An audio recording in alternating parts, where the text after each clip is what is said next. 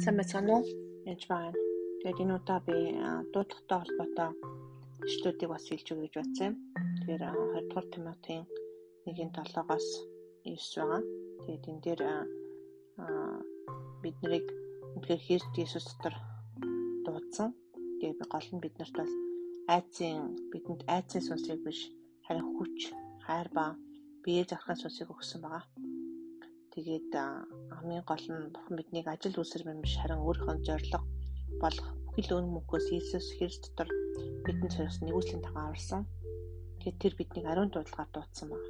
Тэгэхээр энэ бурхан бидний үнэхээр ариун дуудлагаар дуудсан. Хүн болгонд өөр нэгсэн дуудлагыг өгсөн байгаа. Тэгээд ер нь бол бузар сүнсний хамгийн э, том одоо хийх ёстой ажил нь бол энэ бидний тэр дуудлагынхаа дагуу амьдруулахгүй байх дуудлагаасаа хол байх байлгахыг маш их хүсдэг байгаа. Тэгээд дуудлагатаа хүрчгүй гэж маш их дайрдаг байгаа. Тэгээд энэ бидний тулаан бод үнэхээр сүнсний тулаан гэдэгтээ ерөөсөө мартаж болохгүй.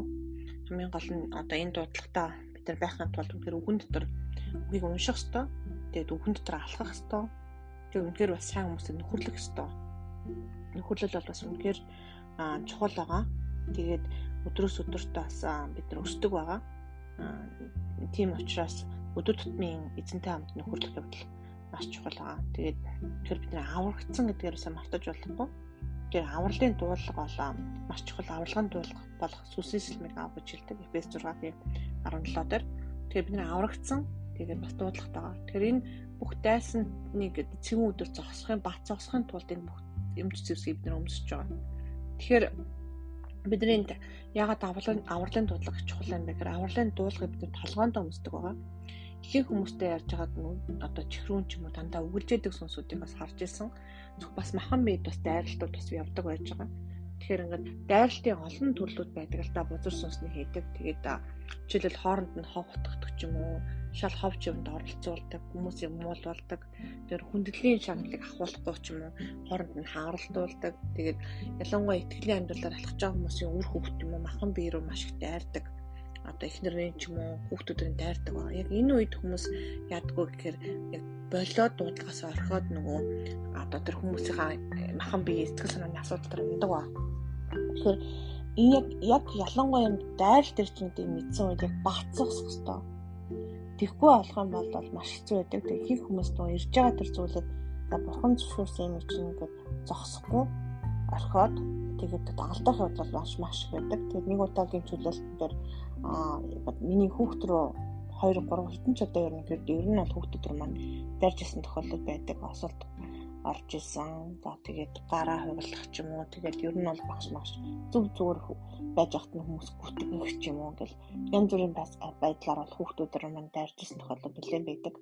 Тэгэд энэ үед бол нэг үйлчлэл одоо чи үйлчлээ болооч одоо чи хүүхдэд алдах чинь ийм хүүхдүүдтэй чи одоо үйлчлэл хийж яад гэж юм миний оюун бод руу дайрах эсвэл одоо энгийн энгийн хүмүүсэнтэй ингэж явж яах вэ гэж мань болж гэдэг юм уу чамд юу унж байгаа чи одоо өндөр цалинтай ажиллаа хийгээл болооч ч гэдэг юм ингээл янз янзын байдлаар дайрдаг ба. Тийм учраас авралын дуудлага бол маш чухал. Тэгээд ч бас хүүхдүүдээр тийм бузар сүнс дайрахгүй би харин ч улам бүсэж англаад улам илүү залбиралтаар суугаад эзэн дотор илүү өсдөг. Түүнээс гадна хүүхдүүд маань ч гэсэн өсөдрийг ялж гарч ирдэг байгаа. Тэгэхээр баацаасах бол үнэхээр чухал.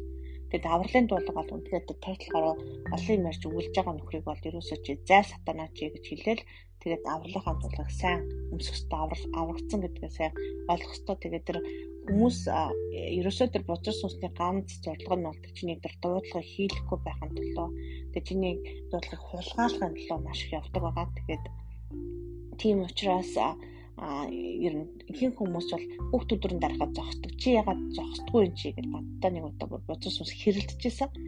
Тэгээд чи хиний хүүхд өдрөөр дайрсан гэсэн чинь Монголын баг хамаг том пастор өдрөө нэрийг хэлгээд хүүхдүүдэд би хулгайлаад авсан, зарим нь би соор болгосон, зарим нь би алсан мэдөө. Тэр хүмүүс тэрийг тэгээд эзнээс гэж бодоод мэдчихэж байгаа юм чинь зовлон дотроо тэгээд өссөн ха ха ха гэж бүр шоолоод инээжсэн. Тэгээд үнэхээр эзэн нэгүслээ тэр хүмүүс үсч хамгаалагдсан. Мэдээж бурхны ажлыг хийж байгаа учраас нөгөө талдаа хүүхд үлдэх үед ч юм уу хүүхд рүү дайлтрах үед та хүүхдэд хамгаалаад бацсах хэвээр яаж ч бодсон гэсэн одоо үр хүүхдээ өгүүлээсээ эрт үхээсээ гэж эрт үхлийн суусыг одоо илгээдэг.